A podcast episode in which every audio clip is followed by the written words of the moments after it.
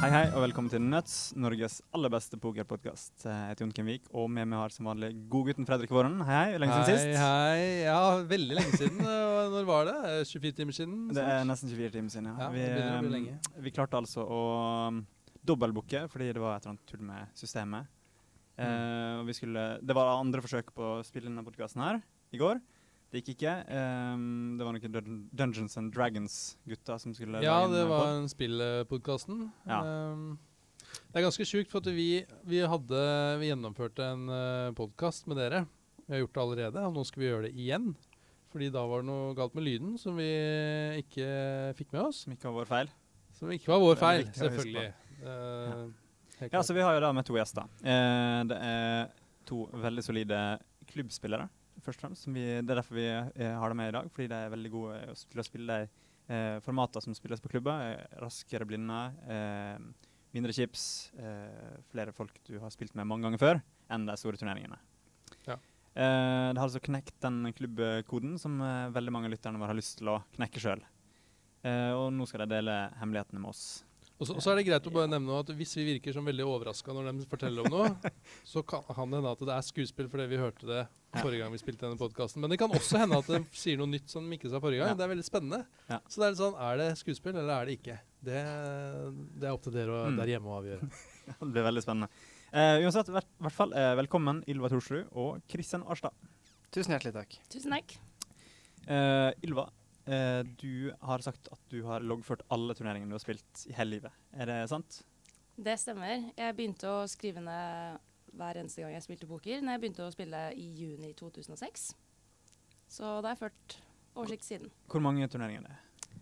Jeg tror jeg har spilt ca. 657 turneringer med innkjøp. Og ikke det tallet hun sa siste uke? da vi... Jeg husker Nei. ikke helt nå, men det er sånn rundt 600-700, som normale Ja. mennesker ville sagt. Mm.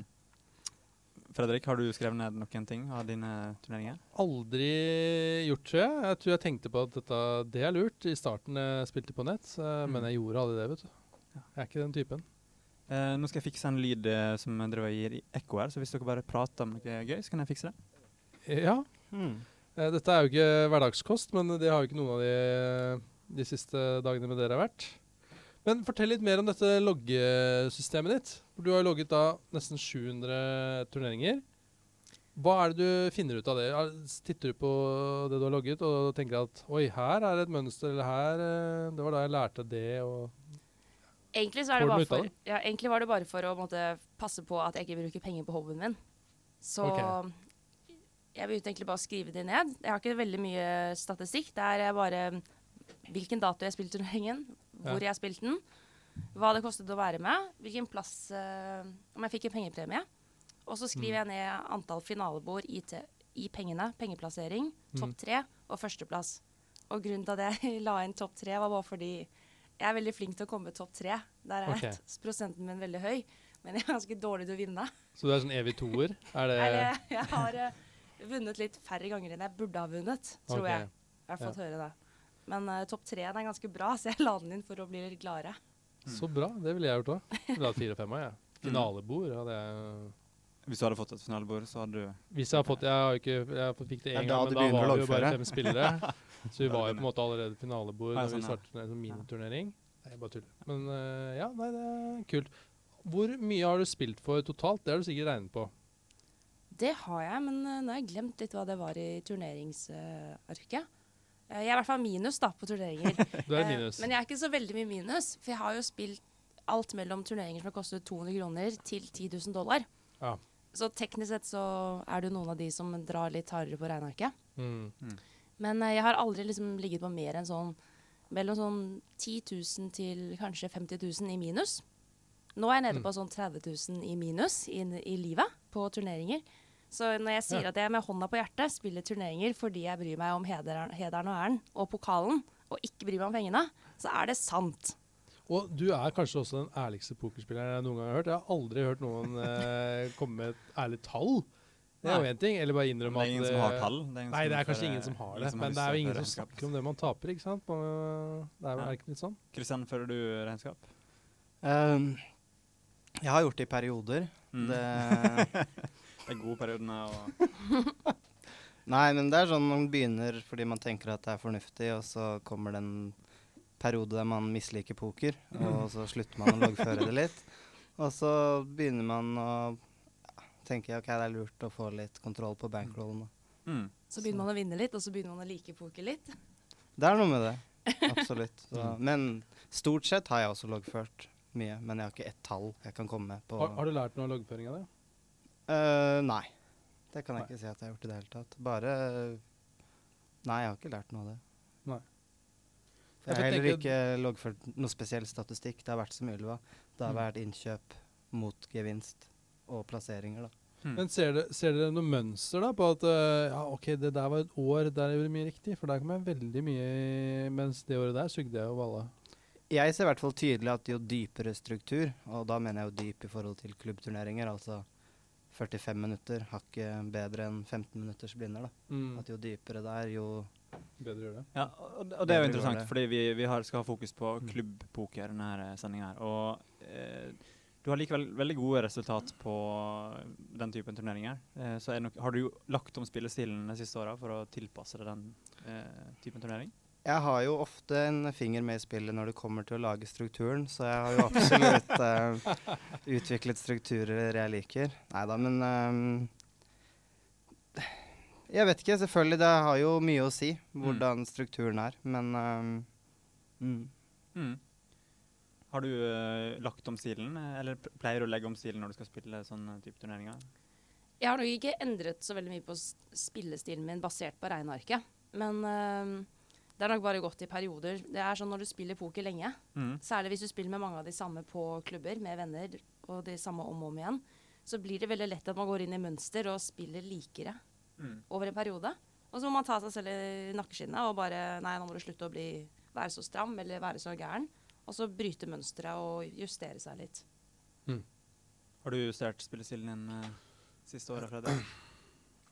Nei, jeg har i hvert fall ikke gått inn sånn Nei, nå skal jeg bryte opp stilen og mønsteret. Det har jeg ikke gjort. Men jeg har nok uh, utvikla eller forandret en spillestil og så vet, eller over åra. Mm.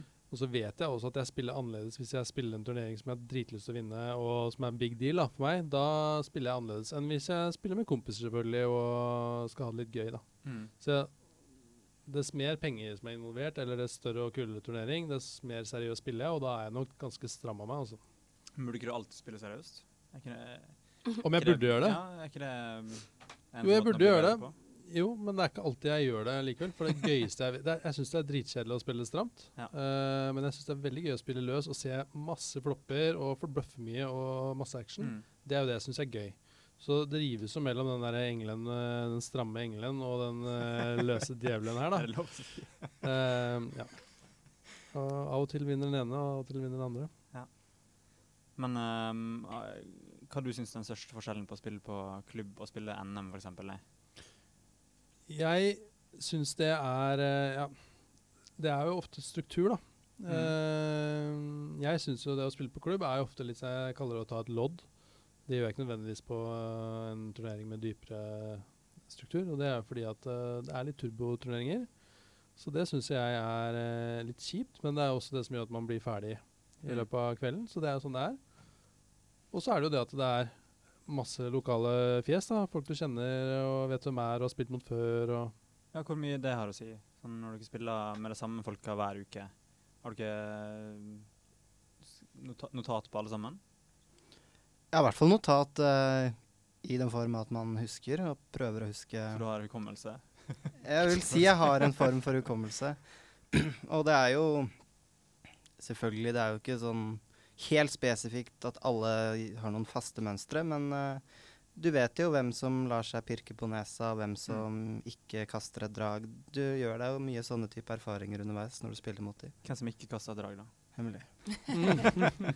Ja, men eh, hva, hva, dere, hva dere ser etter uh, når dere spiller på klubb? Altså Når dere spiller med samme person kanskje sju uker på rad, da. Hva, dere, hva som er det aller viktigste å legge merke til? Jeg legger merke etter Eller jeg ser etter mønster. Mm. Alle har mønster innebygd. Enten de prøver å late som de ikke har det, eller de prøver å snakke eller bruke kroppen sin til å måtte vise at de ikke er sterke eller svake. Men alle sammen har Alle byr Jeg føler jeg liker å følge med på bettingmønsteret da, til mm. folk. Jeg syns ofte den er veldig ærlig, fordi selv om de prøver å skjule hvor sterke de er fysisk, så byr de ofte den likt samme summen ut ifra pottens størrelse. Avhengig av hva de har, basert på bare vane. Mm. Mm. Har du prøvd å skjule styrken med å, å være sterk? Se sterk ut? Rent fysisk? Nei, jeg tror ikke jeg har prøvd å liksom Nå skal jeg se Nå skal jeg rette meg på og se ut som jeg har full kontroll her. Det har jeg ikke gjort. Ja, du, Men jeg er prøver jo å lure folk hele tida. Ja, for du er opptatt, veldig opptatt av tels, fysiske tels. Ja. Og vi snakka litt om det siste uke. eh, selv om det opptaket forsvant, så sa Kristian at han, han tror ikke så veldig på Han er ikke så opptatt av fysisk tels. Eh, hvorfor det? Fordi jeg mener at uh, veldig mange kan ha en grei skuespiller i seg, da. Så du kan Ser du dritnervøs ut, så kan det like gjerne være det faktum at du er nervøs fordi hånda di er dritgod. Eller du kan være Mm. nervøs fordi du er redd for å bli fanga i en bløff, da. Så alle disse fysiske tingene du gjør, det tror jeg er lettere å kontrollere kontra, da. Det bettingmønster, og Mm. om det sjekkes flopp, eller om det races på turn, liksom. Hva, med det her med som Fredrik er opptatt av, den, den store pulsen på halsen? Den er jo vanskelig å kontrollere. Mm. Aldri sett etter den. Aldri altså. sett den. Nei. Jeg ser faktisk mye på puls, men det er Mm. fordi det er underholdende. Fordi det, det er jo en av de tingene som syns mest på alle, for de syns den Mm. ikke, så er de ofte døde. Ja. Men det er Mest sannsynlig i hånda også. Ja. Men det er, det er jo ingen tvil om at mange får puls når de enten bløffer, eller veldig ofte bare er sterke. Mm. Um, det er veldig gøy å se på noen som er litt sånn nyere og ferskere, Mm. som blir veldig nervøse. Jeg får Så de blir- puls. Får kjempepuls. Mm. Mm. Men det er ikke at det egentlig har sånn Jeg baserer ikke avgjørelsen min på pulsen. Men hvis jeg kjeder meg litt, så pleier jeg ofte å følge med på mennesker. For da går tiden Mm. raskere, og så kanskje jeg lærer noe. Så hvis f.eks. dere spiller en pott, så ser jeg på Kim, Jon Kim, som sitter Mm. rett ved siden av meg. Og da liker jeg å se på, hvis han byr på en gate med en bestemt sum, da liker jeg å se på hvordan pulsen ser ut. Og hvis Mm. det blir showdown, så får jeg litt informasjon.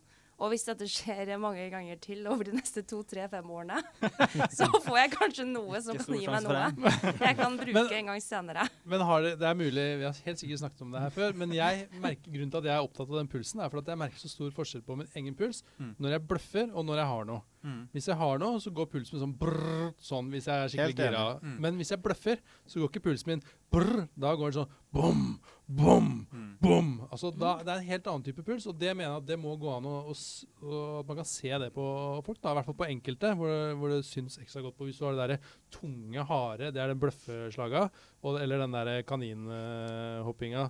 Eh, når man har noe jævlig bra. Da. Kanskje vi burde få besøk av en kardiolog? Ja, kan det hadde vært gøy å teste på hjerterytmen. Ja.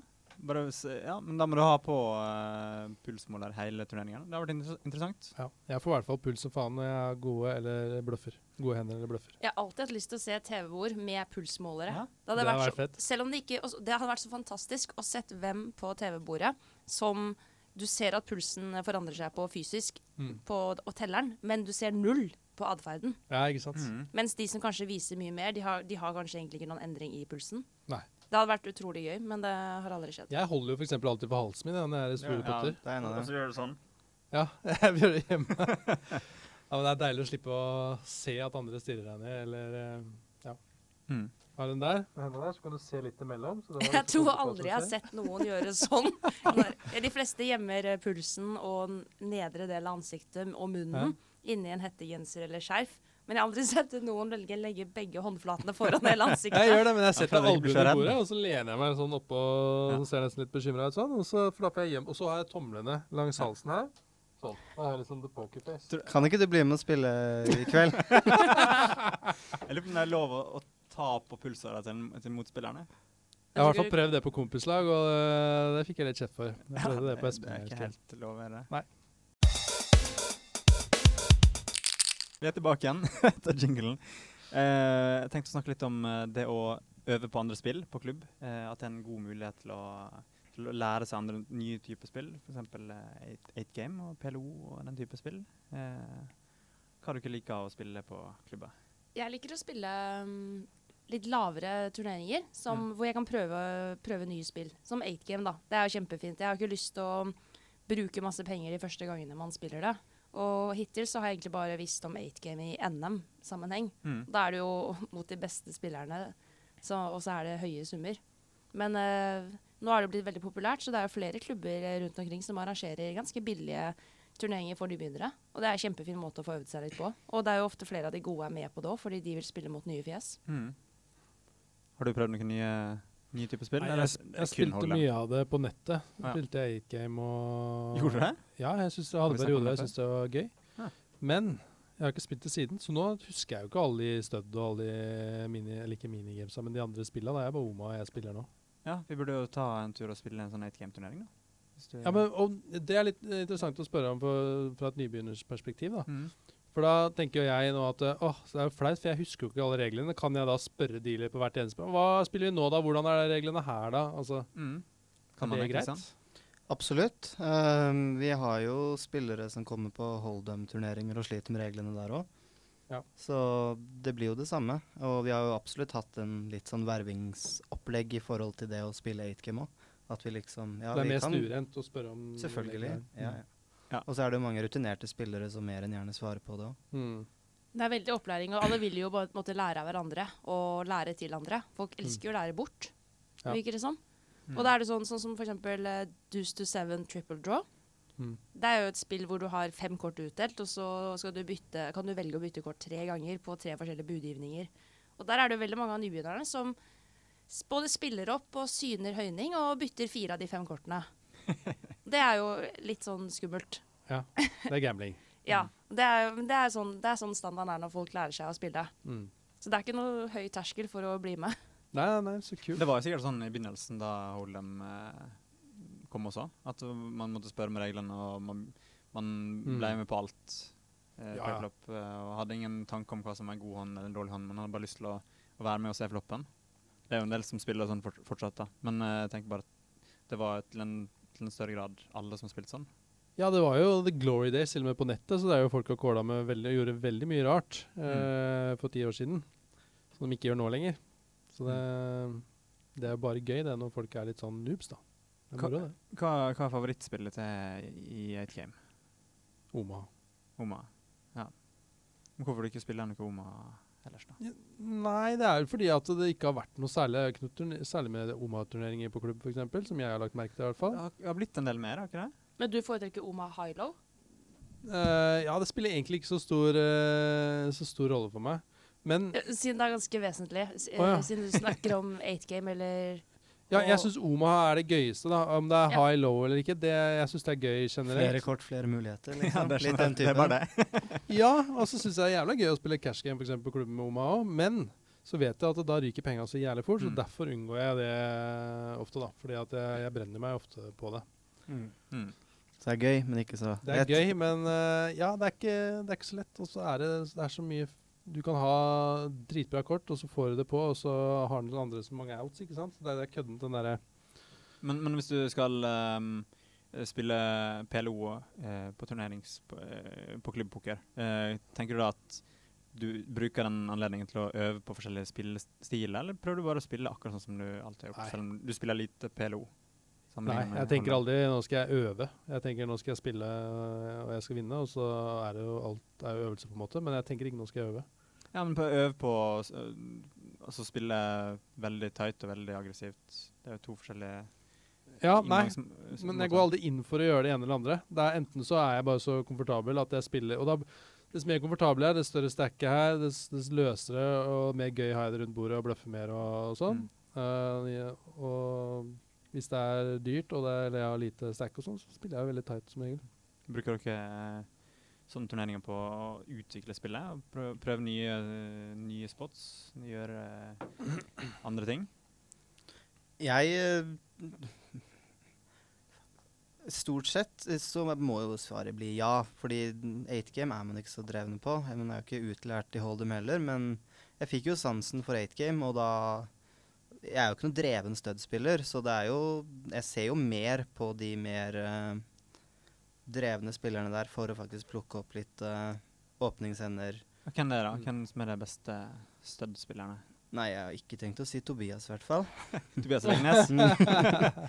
Nei da, det Det er vanskelig å ikke si Tobias, kanskje, Ja. men ja. For deg som vil vite litt mer om veteraner, det er så jo har vi jo en episode med Tobias Leknes. Mm. Episode tre. mm. Ja, det er veteraner. Ja, det er jo de eldre som har vært i gamet lenge. De Mm. kommer jo og spiller små turneringer, de òg. Det er jo Tor Hansen, spiller han uh, For eksempel. eh, Ja. Torstein Iversen. Er ikke favoritten ja, hans uh, Stødd? Tor Hansen? eh, godt mulig. Han sa det en gang. Ja. Men det er ikke sikkert. Det kan hende jeg bare har drømt. Horse 8 game. Mm. Men for min egen del, da, så er jo ikke det go to-turneringene, på en måte. Jeg foretrekker jo Hold'em. Det var det du spurte Mm. om først. Hva er som Mm. er Hva vil man spille? Det er jo Hold'em-turneringer. Det er Mm. det jeg søker til, liksom. Men Mm. uh, så er 8-gamen og PLO-en sånn morsomme tilskudd, da. Og du, er jo, du spesialiserer deg gjerne på eh, rangeringsturneringer, der du har eh, et langt perspektiv og ikke tenker nødvendigvis at du må gå for seieren hver gang. Definitivt. Det er jo Det er liksom konkurransemennesket meg liker det, da. Mm. Når ting blir satt i tabeller, system og Mm. Ja, fordi eh, som, som Fredrik sa, da, så er- føles det ofte som et lodd å spille en enkeltturnering på en klubb. Mm.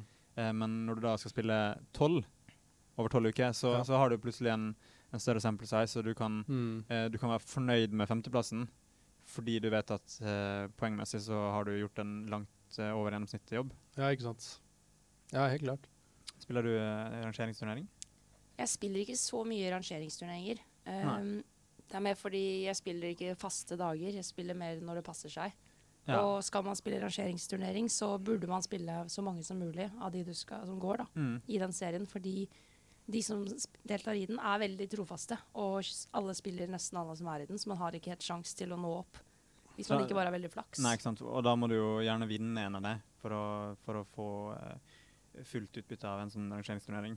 Det er sant. Så hvis jeg går inn for å spille en, så har jeg en planlagt at nå har jeg tid de neste to-tre månedene til å Mm. spille alle gangene i den turneringen. Men det er veldig mange av de som er veldig bra. Og så er det jo veldig gøy.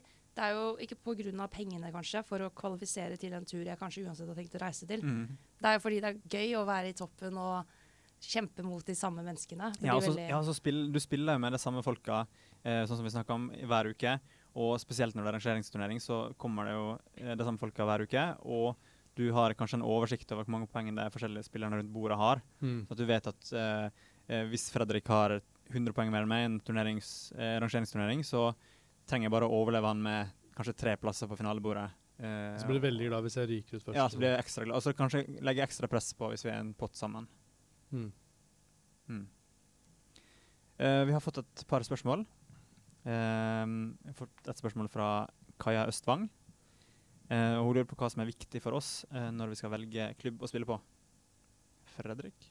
Skal jeg begynne på dem? Ja, du kan begynne på den. Ja, eh, for meg så er det viktig at det er en spiller en eller annen type poker som jeg liker, og en limit som jeg liker. At det er Hold'em, for eksempel. Hold'em, for eksempel, no og på et nivå så jeg syns at jeg eksempel ikke trenger å risikere huset for å Mm. sitte noen timer. Og så har det veldig mye å si med miljø og klientellet. Ikke at jeg trenger å kjenne alle, men det må være en viss eh, vibe der, da. Mm. eh, for at jeg skal trives, da. Ja, Bra.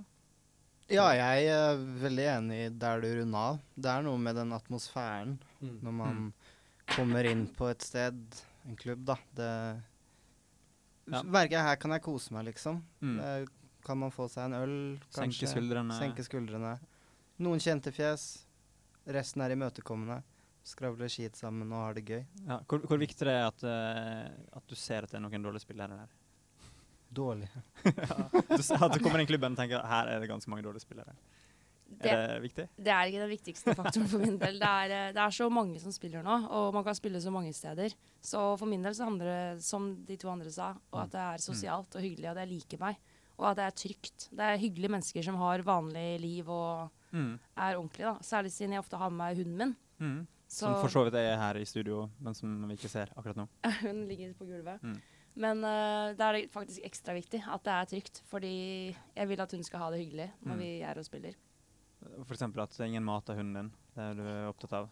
Det er ganske viktig at ingen mater hunden, Mm. men det er det ingen som følger. Nei, det er ingen som følger. Men hva, hva, hva den ikke kan spise?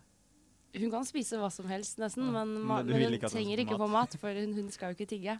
Aha, nei, riktig. Så det er mer en oppdragelsesting. Man skal ikke mate fremmede barn, liksom. Man, Nei, jeg ser den. Eh, eh, vi har et spørsmål fra en som heter Tarje. Eh, Fredrik, hvordan man blir kvitt fiskestempelet? Hvis du skulle bli kvitt Jeg liker at du spør meg om det. Det er selvfølgelig helt random. hvis du i en sjuk verden skulle bli kvitt det. Først så tenker jeg det er greit å ta en liten disclaimer der og si det at uh, vil du egentlig bli kvitt et fiskestempel? For uh, det er bedre å bli undervurdert. Uh, så det er bare fint det, hvis folk syns at du går ut fra at du suger og gjør mye dumme ting. Mm. Men hvordan bli kvitt det? Begynne å spille ordentlig poker, da. Så faller jo det bort, tenker jeg etter hvert. da.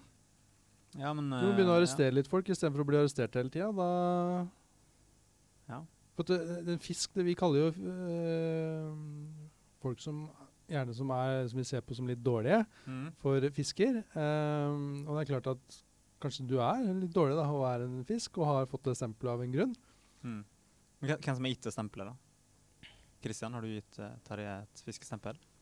Nei, det kan jeg ikke Det kan jeg ikke si jeg har gjort. Ja, men du har spilt en del med han, ikke det? Jeg har spilt en del med han. Um, har han et fiskestempel? Uh, han kaller seg jo Han har jo fisk i sitt eget spillernikk, da. Han ah, okay. kaller seg jo selv for Tarjefisk, så jeg tenker ja. han Jeg tror han egentlig stortrives med å være ja, litt fisk. Være er Ja, det er litt sånn jeg er underdogen her, og mm. plutselig slår han gjennom og plasker seg gjennom feltet. Og, så jeg tror Tarje trives i sin posisjon, mm. faktisk. Uh, vi har fått et spørsmål fra en som heter Goggen Solem. Eller kan, han het ikke Goggen Solem. Nei, Jørn. Ja, Jørn, ja. Uh, Jørn Goggen Solem. uh, han, han, lurer på det her med å kritisere spillere etter hender, eller under hender. hva du ikke tenke om det?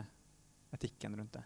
Eller om det, om det er en del av gamet å terge motspillerne, eller etisk sett så er det vel greit å være høflig og ikke måtte kritisere andre. Så det er jo mange som er nye og ikke vet bedre. Mm. Og Hva typiske nybegynnerting å gjøre, da? Klassiske nybegynnerting er jo sånn, bortsett fra at de legger på skjetongene feil, da. Når de egentlig har tenkt å høyne, så kanskje de bare legger på en skjetong, og så glemmer de å si høyning. Ja. Men det er bare bagateller.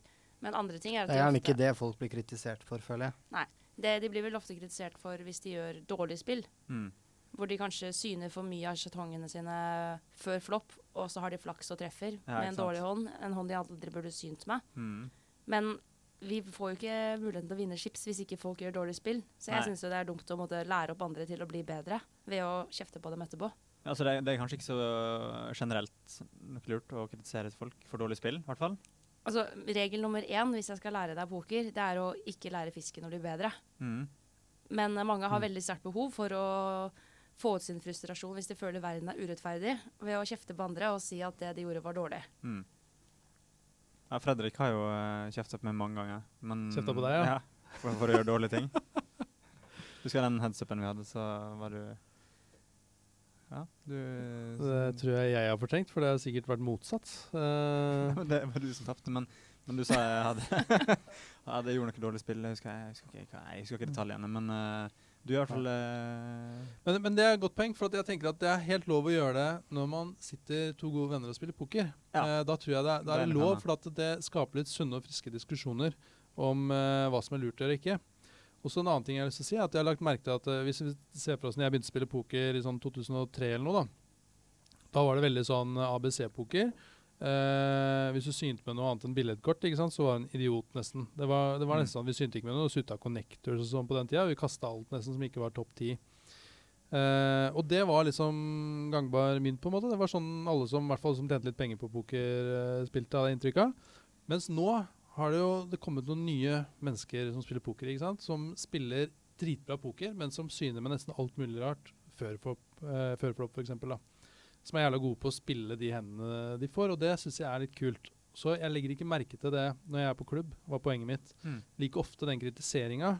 Uh, før ikke sant, på nettet så fikk du jo Det var jo kommet tirader på chatten mm. hvis du gjorde noe, gjorde noe, dumt. Nå er det jo ingen som bryr seg om noe, for at nå spiller folk så alternativt. da. Mm. Uh, eller variert og Og det har vi jo snakka om uh, for noen sendinger siden, og da um, snakka vi også om at kanskje beste, den beste måten å, å, spille mot det igjen, er å spille veldig tight. Altså snu, mm. snu spillet tilbake til sånn man spilte eh, tidlig 2000-tall. For, for, å utnytte den alternative spillestilen som veldig mange har. Mm. Men her får du jo Unnskyld. Går bra. Litt av essensen, tenker jeg, da, med akkurat det med klubbpoker, det er jo mm. akkurat her at du lærer deg å kjenne alle de du møter uke til mm. uke. Du vet hvem som spiller 8-3, fisken, ikke sant? Mm. Du vet hvem som eh, snevrer seg inn til premiums, og det er akkurat der du har mye å hente på å lære klubbpokeren. På å faktisk mm. skrive et lite notis bak øret på hvem som spiller disse variantene. Og gjør det godt, for den saks skyld, men da vet du jo at du kanskje bør prøve å fange han med en god hånd hvis du selv sitter i posisjon, da. Hvis han spiller opp og syner et trebet ni av ti ganger, da. Mm. For uh, de limper jo ikke inn i tidlig posisjon for å kaste et race. Hvorfor da race? Når du kan holde potten nede og holde din egen håndstyrke litt skjult. Mm. Og der, der er vi inne på noe som, som jeg har tenkt på at eh, du er veldig god på. eh, det å eh, spille kontrollerte potter. Ehm, at du selv når du er veldig, er veldig sterk, så prøver du å eh, holde potten på et, et OK nivå, og så heller eh, pumpe den opp når du, når du er trygg. Og det er jo det er litt, det er jo litt PLO-tankegang over det for, for mange, at jeg spiller pottene veldig kontrollert helt til jeg er sikker på at nå, eh, nå kan ikke det komme flere drag for Mm. eksempel. Ehm, er det noe du gjør spesielt i sånne små turneringer, eller er det er noe, en tankegang du har med store turneringer også? Det er definitivt en konsekvent uh, tankegang jeg vil ha uansett når jeg setter meg ned med et pokerbord. Uh, hvis jeg skal se, se på alle turneringene jeg har spilt i et så stort omfang, så har du jo 95% av dem er jo klubbturneringer. Og så er det et fåtall som er ute i Europa i litt større eventer. Så det meste jeg har spilt, er jo klubbpoker. Mm. Så du, du spiller på en måte den, eh, det Negranu kaller small ball, ikke sant? At en prøver å holde pottene små. Ja, jeg, husker, på- jeg husker jeg fikk en sånn aha-opplevelse da jeg så på de første sesongene av High Stakes for mange år siden. Mm. Hvor Doyle bare synte sånn bitte lite race med, med S-paret sitt. Og det var et par stykker tror jeg, som hadde synt før han også. Mm.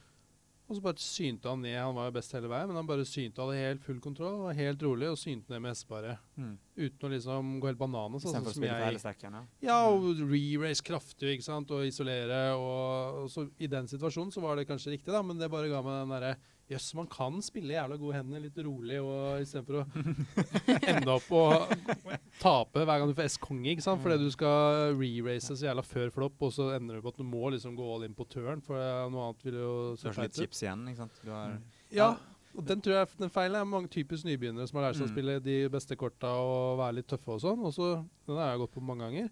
Sitter du med S-kongen, og så skal du absolutt spille opp så jævlig før flopp, og så ender du med at du må jo bare få alt på når du treffer det S-et, da, og en annen treffer settet. mm. Men det er jo også noe med det at du må beskytte hånda di òg. Du Ikke må sant? jo finne en god balanse, og det er jo der. Mm. man må Du vil jo ikke spille et S-par mot seks spillere, på en måte. Nei, du vil jo ikke det. Du vil jo, Det er derfor det er viktig å finne en god balanse på sånne ting, da. Mm. Jeg husker vi eh, spilte jo sammen i helga, Jon. Um, nå husker jeg ikke hånda i sin helhet, men da tapte jeg jo en hånd fordi jeg glemte å beskytte hånda mi fordi jeg tar ett sjekk for mye. Så Mm. det biter deg i ræva en gang iblant Mm. Ja. Var det mot meg? Nei, Nei. det var det ikke. Det var en hånd mot Var- I hvert fall ikke. Nei, det var hvert fall ikke mot deg. Vi hadde en interessant hånd for den saks skyld, der jeg holdt på å miste huet. Der vi begge fikk uh, rønne rønne flush. Ja. Det er noe interessant spot i seg selv. Begge, ja, du floppa et inside Hva, Du hadde 6-2, eller noe sånt? Ja, jeg hadde en meget god hånd. Ja, meget god, han hadde 6-2 i hjertet. 6-2 i hjertet. Ja, det er eh, premium. Jeg, jeg forsvarte fra storeblind. Ja, ja, herregud. Altså 3-4 flopp? 3-4 3-4 énhjerter. mm. 3-4 høy, i hvert fall. Ja, én hjerter bare. Og jeg hadde også Jeg hadde åtte-ni hjerter, så jeg hadde to Mm. hjerter.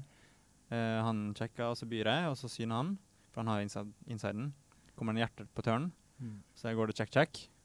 Og så kommer det en eh, hjerte fem Nei, Hjerte lav, i hvert fall. ja, eller ja, lav hjerte på river.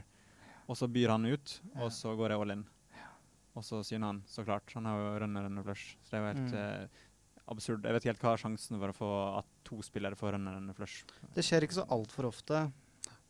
Men uh, ja. Men tilbake til det vi snakket om nå, da, med den Doyle-erfaringa. Så kan jeg jo legge til det, for du sier at det er viktig med den balansen, og det er viktig å beskytte hendene sine. Og så er det også viktig å ta i betraktning, som jeg tror Doyle gjorde der. Han vet at hvis han hadde gått jævlig hardt ut der med en reverse der, så hadde han fått syn av de to som limpa, for det var et veldig løst bord, det der high stakes-bordet. Så vet han at da koster det hans kanskje alle hans, eller hele hans stack, da, hvis Mm. han skal forsvare den hånden. Og selv om han er stor favoritt, så er det jo også en sjanse for at han eh, blir dratt ut. Så i de situasjonene så er det kanskje greit å holde det kontrollert. Når du vet at det er noen løse personer som sitter rundt bordet, de kommer til å syne høye racer med de fem-seks suited eller hva de enn har, da. Eller kanskje han vet at de vet altså, Kanskje han vet at eh, hvis han tar, gjør det store race som han burde eh, av, stort sett gjøre, Så mister så, han så, så mister han det. At de kaster seg. For jeg vet at det. han gjør kun det med eh, premiumhender. Mm. Det kan være. Jeg vet ikke. Men det er jo et sånt gammelt ordtak som sier at når du har S-par, så taper du enten en stor pott, eller så vinner du en liten en. Er det, ikke, det er jo noe i det. Og hva er best? Ikke sant? Vi har fått en del gode spørsmål fra ei som heter Heidi Røneid. Det er jo noen du eh, kjenner til, ikke det, Kristian? Ja, både jeg og Ylva Ja. kjenner for så vidt eh, Heidi ganske greit. Vi var med på samme TV-program for veldig mange år siden. Hvis du husker det store spillet som Michelle, Merete eh, og en som heter Ika-Knut fra Trondheim og jeg var med på. Ika-Knut. Heter han det? Han heter Kjenner du- Knut. Kjenner du ikke, kjenner du ikke Ika Knut? Ja, men alle vet hvem Ika-Knut er hvis du er fra Trondheim. Nei, ikke fra Trondheim. Han drev en ICA. Oh, ja, han drev okay. Ika. ok. og et kattepensjonat. Okay. Så, hvorfor han ikke ble katt, ikke ble kalt kattepensjonat? For det var Ik alle vet hvem ICA Knut er. Ja, okay. Ja, jeg vet det nå. Men Heidi var også med på det programmet. Så det Ah, var der vi møttes første gang. Da spilte hun sjakk. Ja, OK, så har en Åh. Hun er jo en veldig habil eh, Ja, det er jo. Sjakk-Heidi fra NRK sitt eh, Sjakk-Heidi. Nei, jeg bare tulla, men jeg bare regna med at hun ble kalt det. Sjakk-Heidi. Ja. Hun er jo Fredrik. hun er hun- med i NRK sitt sjakkpanel. Er hun det? Ja. da kanskje Heidi. Rønneid. Ja, ja. Uansett, vi har noen gode spørsmål fra Heidi Rønneid. Um, hun er en uh, ganske fersk pokerspiller, sier hun. Um, og lurer litt på det her med å spille mot veldig aggressive spillere som spiller uh, aggressivt i posisjon. Når du da har eh, ganske gode hender, men ikke sånn premiumhender. For eksempel da 7-7 eller S-knekt eh, i small blind, big blind. Det har vært et par eh, syn rundt, og så en eh, re-race fra button som hun vet er aggressiv.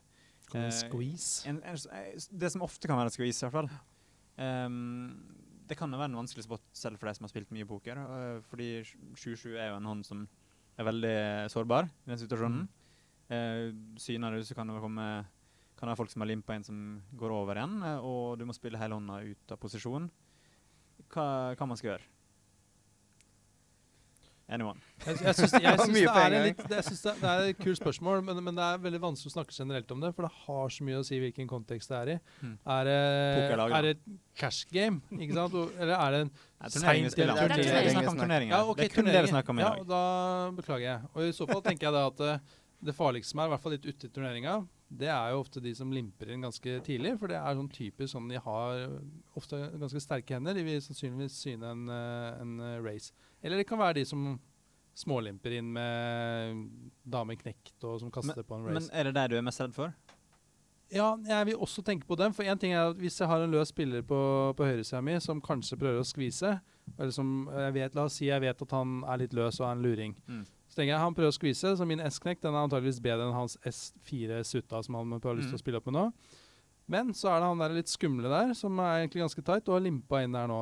Han kan jo sitte på kongeparet og håpe at noen racer. Og så skal jeg re-race han som skvisa meg da. Eh, bare for at han går all in, og så har jeg driti meg ut og endt opp eh, med sorteper. da. Mm. Det er det jeg tenker ofte i sånne situasjoner. da. I hvert fall hvis det er et par andre som har limpa først. Hvis det bare er han skvisen å tenke på, eller han som prøver seg å stjele, da er det noe annet. OK, Kristian? Um, jeg tenker først og fremst at når du ikke har investert mye, og du får en dårlig følelse på situasjonen, Mm. så er det like greit å komme seg unna når du har disse mediumhendene. For mm. penger du unngår å legge inn i potten, er penger du slipper å tape.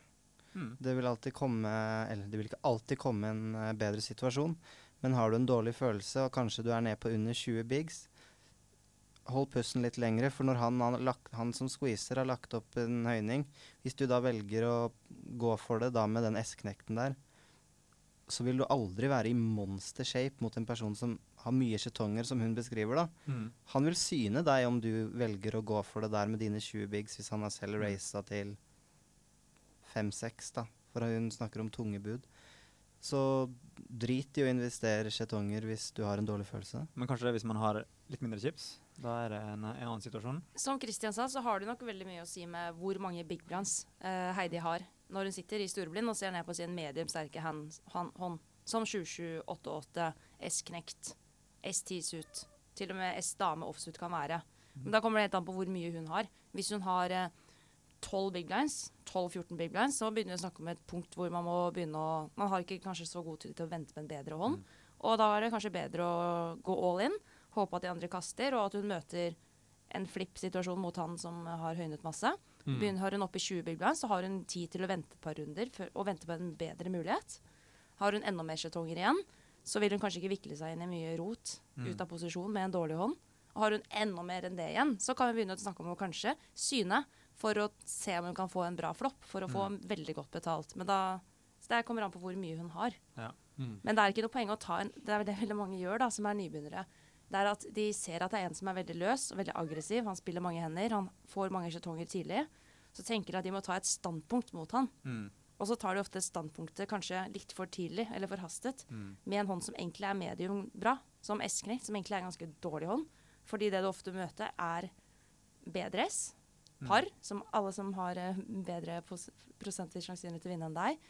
Eller eh, ja, ja, til, ja, ja, de hender som du har dominert, vil ofte kaste, da. For de gode Unnskyld, de som er løse og aggressive, kan også være gode. Mm.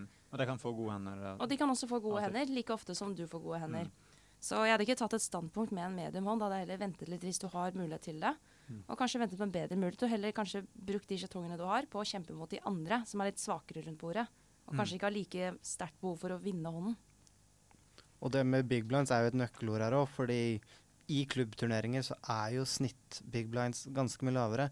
Så du er jo ikke i noen krisesituasjon om du har 20 big, så hvorfor skal du begynne å Nei, for- for- Involvere for, deg da. For det er jo veldig interessant uh, at det har ikke så mye å si uh, uh, at du har få big blinds så lenge de andre har like få. Altså, så klart har man tre-fire, så begynner å brenne uansett. Men hvis man har 15 big blinds, så føles det litt eh, under NM. Men hvis alle andre rundt bordet i en klubbturnering har 15 big blinds, så er ikke det så farlig. For da kan du legge press bare med, mot alle sammen. Mm. Um, det jeg neste lurer på, er at uh, hun ofte kommer i en situasjon der eh, stekken bare uh, blør, og man blir kjempeliten, uh, og så lurer på eh, hvordan man skal endre spillet sitt når det blir dyrere å spille. Skal man prøve å begynne å stjele blinde, eller skal man eh, bare være tålmodig og vente? Ja, her er igjen er det jo veldig ned på hvor kritisk det faktisk begynner å bli, da. Fordi som vi akkurat sa, er det 20 big, så er det ikke krise ennå. Mm. Men begynner det å gå ned på under 10, så må du begynne å få det på i en OK situasjon. Um, men da er en sånn viktig tommelregel vær den som skyver all in, ikke Ja. vær den Mm. som syner deg all in. For hvis du velger å committe stacken din med f.eks. S10, da, Mm. når en annen spiller med mye skjetonger har høynet opp, da er du sikret å få et syn. Hvis det er dypt i turneringen og motspilleren kanskje sitter på 40-50 bigs og har racet i tre, da, og du skyver ni bigs med Mm. S10. Du vil alltid ende Mm. opp med et syn, og da Men, men hvis han har ehm, 15 bigs, eller 20 bigs, så kan du få kast. Eh, så det, det er veldig godt råd det du har der. Og at nybegynnere burde tenke på at det burde være den som eh, skyver all in, ikke den som syner. Selv, selv om du har en OK hånd, f.eks. S10, S-knekt, i, Ja. i sånne situasjoner. Jeg pleier, jeg pleier å Det er ikke sikkert det her er riktig, men jeg pleier å sitte og tenke litt Hva er sannsynligheten for at uh, det og det skjer? da? Så Hvis uh, noen har tatt en svak race eller noe, da, og jeg vurderer å, å pushe med det lille jeg har igjen, så tenker jeg, hva er så synd for at han kaster den hånden der nå? Tenkte ja, Han er litt løs spiller, han driver men han har kastet seg Han er ikke noe sånn som absolutt skal forsvare alt hele Mm. tida. Så ja, kanskje la oss si det er 40% sjanse for at han kaster seg, da. Så jeg hvis jeg kommer opp med det tallet i hodet mitt, da, ut fra hvordan jeg har blitt kjent med han eh, Så jeg tenker, ja, det er en stor Ja, sjanse for at han 33 kaster kanskje. seg. Men la oss si da, ja, la oss si det er 50-50 da. Så tenker jeg, ok. Tallet forandrer seg. Ja, men da er- jeg er det liksom 50% sjanse på å vinne hånden der alene, hvis jeg er alene mot han. Uh, uten å vise kort. Og så tenker jeg at ok, uh, med min konge fem så har jeg antageligvis eh, 40% sjanse for å slå han uh, med mindre han har en annen konge eller et par som er Mm. høyere. Så det er også ganske stor eh, prosent. Det er nesten en coinflip, det også. Så jeg har ganske gode sjanse på, på å vinne den hånden her. Så Mm. jeg pusher all in med min konge fem, selv om han har limpet inn uh, fem. For eksempel, sånn kan Mm. jeg sitte og gjøre. I hvert fall så seint når du sitter med så lite, for at du kan ikke sitte nødvendigvis og vente på gode kort når du, hvis det koster deg halve stacken nesten å se en big blind. særlig når du spiller med veldig aggressive spillere. Fordi da, Ja. du, da blir det som regel sånn at du aldri får spilt en hånd før du, før du blør ut. ja. Og det, du har jo vært uh, i Nord-Norge i uh, helga, ikke sant, Ylva? Det er sant. Hva du, hva du spilte der? Eh, Det var nordnorskmesterskap i poker i helgen. Det var det tolvte året det ble arrangert. Og det er et event som er uh, på Riksgrensen hotell. Mm. Varer i en helg hvor det er Omaha-turnering på torsdagen. Og en main event som går fredag-lørdag. Og et par sideturneringer. Og da er det ca. 100-120 nordlendinger. Sånn cirka alt fra Trondheim og oppover som drar opp dit og spiller de forskjellige øvelsene. Gikk det bra? Eh, For min del så gikk det ikke så bra i turneringene. Jeg, eh, Gikk det bra sosialt? det var veldig bra sosialt. Det ble veldig mye tid til sosialt siden jeg røk ut tidlig. Mm. Men eh, det er alltid veldig gøy å være der. Der, der spiller jeg med veldig mange som jeg spiller med én til to ganger i året. Møter de alltid i, i Nordnorskmesterskapet. Og møter dem også veldig ofte i den NM i poker. Er de gode nord nordlendinger? Nordlendinger er eh, kjent for å være gode. De er veldig aggressive. Mm. Eh, det som er litt artig, er at i Nord-Norge så er det veldig store avstander. Så vi er veldig heldige i Oslo. Vi kan dra og spille nesten hver dag kan vi dra og spille en turnering med 20-50 mann med. Mens der oppe er det veldig sjeldent. Så de er eh, flere som spiller poker i Nord-Norge, men de spiller der de bor, da. Da er det sånn 60-70 mil til neste sted hvor det er noen andre som også spiller poker. Så det er ikke så lett å samle mange som kan spille. Turnering på Så det er liksom årets største arrangement i Nord-Norge? Det er Altså årets største arrangement, ja. Mm. Absolutt. Uh, så jeg har funnet ut at de som er gode der oppe, de blir veldig gode fordi de spiller med hverandre. De har ikke så mange andre de kan spille med, så det er kanskje kompisgjenger da, som spiller i kjelleren sin eller i leiligheten sin. Og da spiller de alltid med hverandre. Så hvis Mm. de blir gode der oppe, så blir de veldig gode. For da spiller de mot de samme hele tiden. Så jeg er kanskje flink til å snakke, snakke sammen om hender og, og utvikle spillet sitt fordi det er, begrensa til å spille med seg sjøl eller med hverandre? Veldig. Det er veldig sånn kjerner. Altså, du har Bodø-boysen, Tromsø-boysen Nei. Det, Eh, det var hun som reffa. Så det er, liksom, det er gjenger da, fra de forskjellige stedene som jeg har lagt merke til eh, har utviklet seg veldig. Fordi de spiller med hverandre. Så det er mange kjente fjes som er derfra. mm. Hvem er, hvem er beste nordlendingene? da? Kanskje noe av de mest kjente er vel sikkert Ola Amundsgaard Mm. og Andreas Torbergsen, som kaller seg Skjervøy. Mm. De har jo spilt eh, Omaha på nett så mange år som jeg har hørt om poker, nesten. Ellers er det mange andre lokale spillere som jeg kjenner fra livemiljøet, som er eh, Tor Arne Fenes Mm. og Høggern, som jeg glemmer Det er litt hva heter. navnet hans. Ja, Jokeren og Høgeren de er veldig kjente. lurer på hva han jobber med. Han døpt uh, Høggern. Og jokeren, Ja, ja, ja. han driver jo selvfølgelig en joker, og Høgeren han eh, Joker, de er- jobber i skogen. De er veldig kjente, for de er Kiwi, ja, norgesmestere. De har så mange Ja. norgesmestertøfler. De er eh, veldig dyktige sånn, sånn variantspill. Sånn fix limit-spill og limitspill, limit-spill, stud-spill. Kult. Så de er veldig gode. Også, var de med og spilte uh, helga? Ja, de, Tor Arne og Høgern er veldig ofte der oppe. De er fast han Høggern? invitar. Nei, Høggern, jeg, nå har jeg glemt hva han heter. Det er, sånn typ, det er typisk pokermiljøet. at Ja. alle har sånne, Nicknames. sånne nicknames, og så er det liksom ingen som kan navnene til hverandre. Sånn, uh, Høggern og Kiwi, Truls og Jeg blir aldri kalt Christian på klubben, liksom. Det finnes jo ikke. Og folk kikker alltid rart på meg når jeg spør ja, hva, hva, hva kaller du deg, eller hva er nicket ditt? Og så finner jeg på noe nytt hver gang jeg er og spiller, nesten. For jeg har liksom ikke noe fast eh, Jeg nekter å liksom bruke noe sånn etab Du prøver jeg prøver- ikke etablere noe? Nei, jeg vil ikke ha noe sånn internett-nikk når jeg driver og spiller live, liksom. Nei. Men det har jo blitt... Da sier du til Fredrik, og da ser de rart på meg. Fredrik, ja vel, ok. Men det er jo ingen tvil om at veldig mange blir jo venner med andre pokerspillere gjennom klubbspill. Mm. Så det er mennesker du møter der, og når man spiller turnering, så registrerer man seg jo ofte med et kallenavn. Mm. Så det er jo veldig mange man kjenner bare på kallenavn, som Ja, man ikke absolutt. aner hva heter i virkeligheten. Mm. Ja, har du ikke fått mange venner gjennom klubbmiljøet? Alle vennene dine? Alle Ja. vennene. Hadde ingen. Vel, jeg Nå har jeg egentlig mange. ikke lenger så veldig mange vanlige venner. Men du har mista, andre fordi du har fått uh, pokervenner? Ja, nå har jeg levd i dette miljøet så mange år at uh, hele livet mitt er på en måte poker og Ja. klubbpoker. og de menneskene jeg møter der. Ja, det er litt Her sitter vi og snakker om poker. men er- man møter jo veldig mange forskjellige, da, og jeg prøver å Eller jeg setter veldig pris på de jeg er venner med som har vanlig liv, da. Mm. Takk. Vanlig nikk. Navn.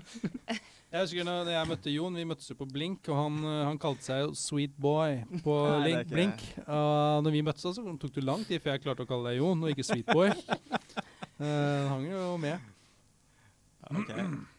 Har du et ekte kallenavn? Jeg har mange kallenavn på nett. Nei, ja, men jeg brukte Men det har jeg blitt kalt litt i barndommen etter Fredrik Worren. Så har jeg blitt kalt Frevo eh, i turnmiljøet det Mm. mange år siden. I Så det er turnmiljø Ja, jeg er gammel turner, så da Ja. en eller annen grunn så kalte de meg det.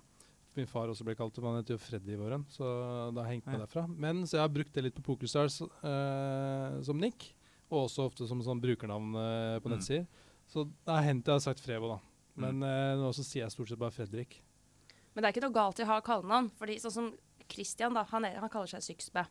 Hva, hva det betyr egentlig? Det er aldri- Ja, det var enkelt. det er Syksbe. Ja, ingen S-I-C-K-S-B-E. E. Hva det betyr Uh, sannheten er uh, så enkel som at jeg var uh, spilte på Stars en ettermiddag. eh, og hadde rønna helt fryktelig jævlig i en lang periode. Så fikk jeg høre om en ny klient som het eh, 888. Så jeg oppretta en konto og var kokvarm. Så jeg gjorde sånn på tastaturet, og da sto det 'Syxb'. og så la jeg på en E, og etter det så det. Så da Så det er en tilt, det er tiltnikk? Det er et tiltnikk, ja. Og Og så Hidden Brag begynte å plusse på 88 Mm. med det nikket. Og fikk sendte mail til Stars og fikk endra nikket mitt der òg. Til 6B. Ja, så nå heter jeg det på Stars og andre klienter. Og da nei, da møtte jeg opp live på en konto nei, på klubb og måtte ha et nikk, så bare ja, ja. Og Ylva, du heter jo Astvg. Nei, det er en tas tastatur-joke. Ja. Nei, men det jeg prøvde å skulle si, da, var at det er egentlig praktisk at folk kaller seg Nick. Fordi det er jo veldig mange som heter Christian, Anders, Mm. Andreas. Jeg syns det er utrolig slitsomt å møte så mange som heter de samme Ja. navnene. Men når de har individuelle kallenavn, så er det mye enklere å huske forskjellen. Fordi det er ingen tvil om at i Norge så er det jo veldig mange med de samme navnene. Mm. Og det er lett å gå litt i surr. Og det er mitt tips da til dere som skal dra og spille NM på Gardermoen. Det er at i fjor og i forfjor så fikk dere et NM-kort. Et sånn GPTL-kort Mm. som gjelder for Norge. Hvis dere tar med dere det kortet, så kan dere stille dere i den riktige køen, som er for de som har kort og ikke må få nye kort. Og det var 7123 deltakere som spilte de forskjellige øvelsene på NM på Gardermoen i fjor. Så da kan dere forestille dere at hvis alle sammen må registrere nytt kort, så blir det mye kø. Det er ikke bare GPTL sin feil. Det, er, det kunne vært lagt opp bedre. Det kunne vært bedre forberedelser med alle de forhåndsinnkjøpte og alle de som møter opp. Men hvis alle tar med seg det kortet, så sparer dere mye tid. Og kjøp send på forhånd. Ja, og hvis dere kjøper dere på forhånd, men jeg hadde ikke kjøpt meg på forhånd til turboturneringen. Nei, Nei, for den, den begynner litt senere. den begynner senere, så jeg tok den med på sparket, siden jeg hadde forventninger til å være med i Maine Mm. fortsatt. Men da jeg var ute av Maine, så kjøpte jeg meg inn. Men da hadde jeg det kortet mitt, og jeg møtte opp i god tid og kjøpte meg inn. Og god tid var et par timer før. Mm. Eller kvelden i forveien, for du kan alltid kjøpe deg en kvelden i forveien, og Mm. så bare møte opp på dagen når det begynner, og ha fått setet ditt. Så bare ta, møte opp i god tid og ta med dere NM-kortet. Og det er ikke det samme. Hørtes ansatt ut. Ja, men det er ikke, det, det, det, jeg blir litt irritert, for det er så mange som klager. Og det er sånn, når til og med jeg fikk det til så lett, så burde alle dere andre normale mennesker få det til. Og GPTL-kortet er ikke det samme som GPTL-kortet i utlandet. Og det er ikke det samme som NM-kortet i utlandet, i Dublin, for det er to forskjellige kort. Så bare bruk deres gamle NM-kort fra får vise Gardermoen. hvordan mitt ser ut. Ja, nå skal Fredrik vise kortet sitt. Eh, For jeg har Han har, han har alt i lommeboka. Det husker han skrøt av sist. Det står Norgesmesterskapet i poker på, på mitt, da. Ja, så det er et riktig kort. Mm. Det er et riktig kort. Men det er mange som blander det med Norgesmesterskapet i poker i utlandet og GPTL-kortet du også kan bruke på Ikke EPT sant. i utlandet. Hva, hva det betyr hvis folk har eh, Er det tell hvis folk har pokerturnering? Nei, pokerturnering. Pokertatovering. Om det er tell? Ja. Da er man fisk. Vil du brette opp Uh, Nei, jeg har orker ikke noe, nå, men jeg har, eh, jeg har et S, ja. Uh, tatovert. Hvorfor tatoverte du et S på armen? Jo, jeg, jeg, har, jeg har jo en del, jeg har hatt en del hangups på forskjellige ting. Så jeg, i, når jeg da begynte å tatovere meg, så tenkte jeg at hvis jeg skal tatovere noe, så må jeg tatovere noe som på en måte viser litt hvem jeg er, hvem jeg har vært osv. Så videre, sånn at jeg kan, er mindre sjanse for at jeg blir veldig lei av tatoveringen. Så derfor har jeg prøvd å ha et litt sånn tema om at det er et eller annet som betyr noe for meg. da. Så Pokeren har jo vært en stor lidenskap for meg, så da vil jeg ha et eller annet som var relatert til det i den tatoveringen. Så det er et S. For å huske hva som er det beste kortet? Mm. Har du, har du turntatovering også? Som Nei, det har jeg ikke, men det var aldri en sånn type hangups. Og jeg har jo hatt mange hangups som jeg ikke Nå er det jo fisking. Eh, Jeg har ikke tatovert noe ørret ennå, eller laks. eh, Men hvem vet?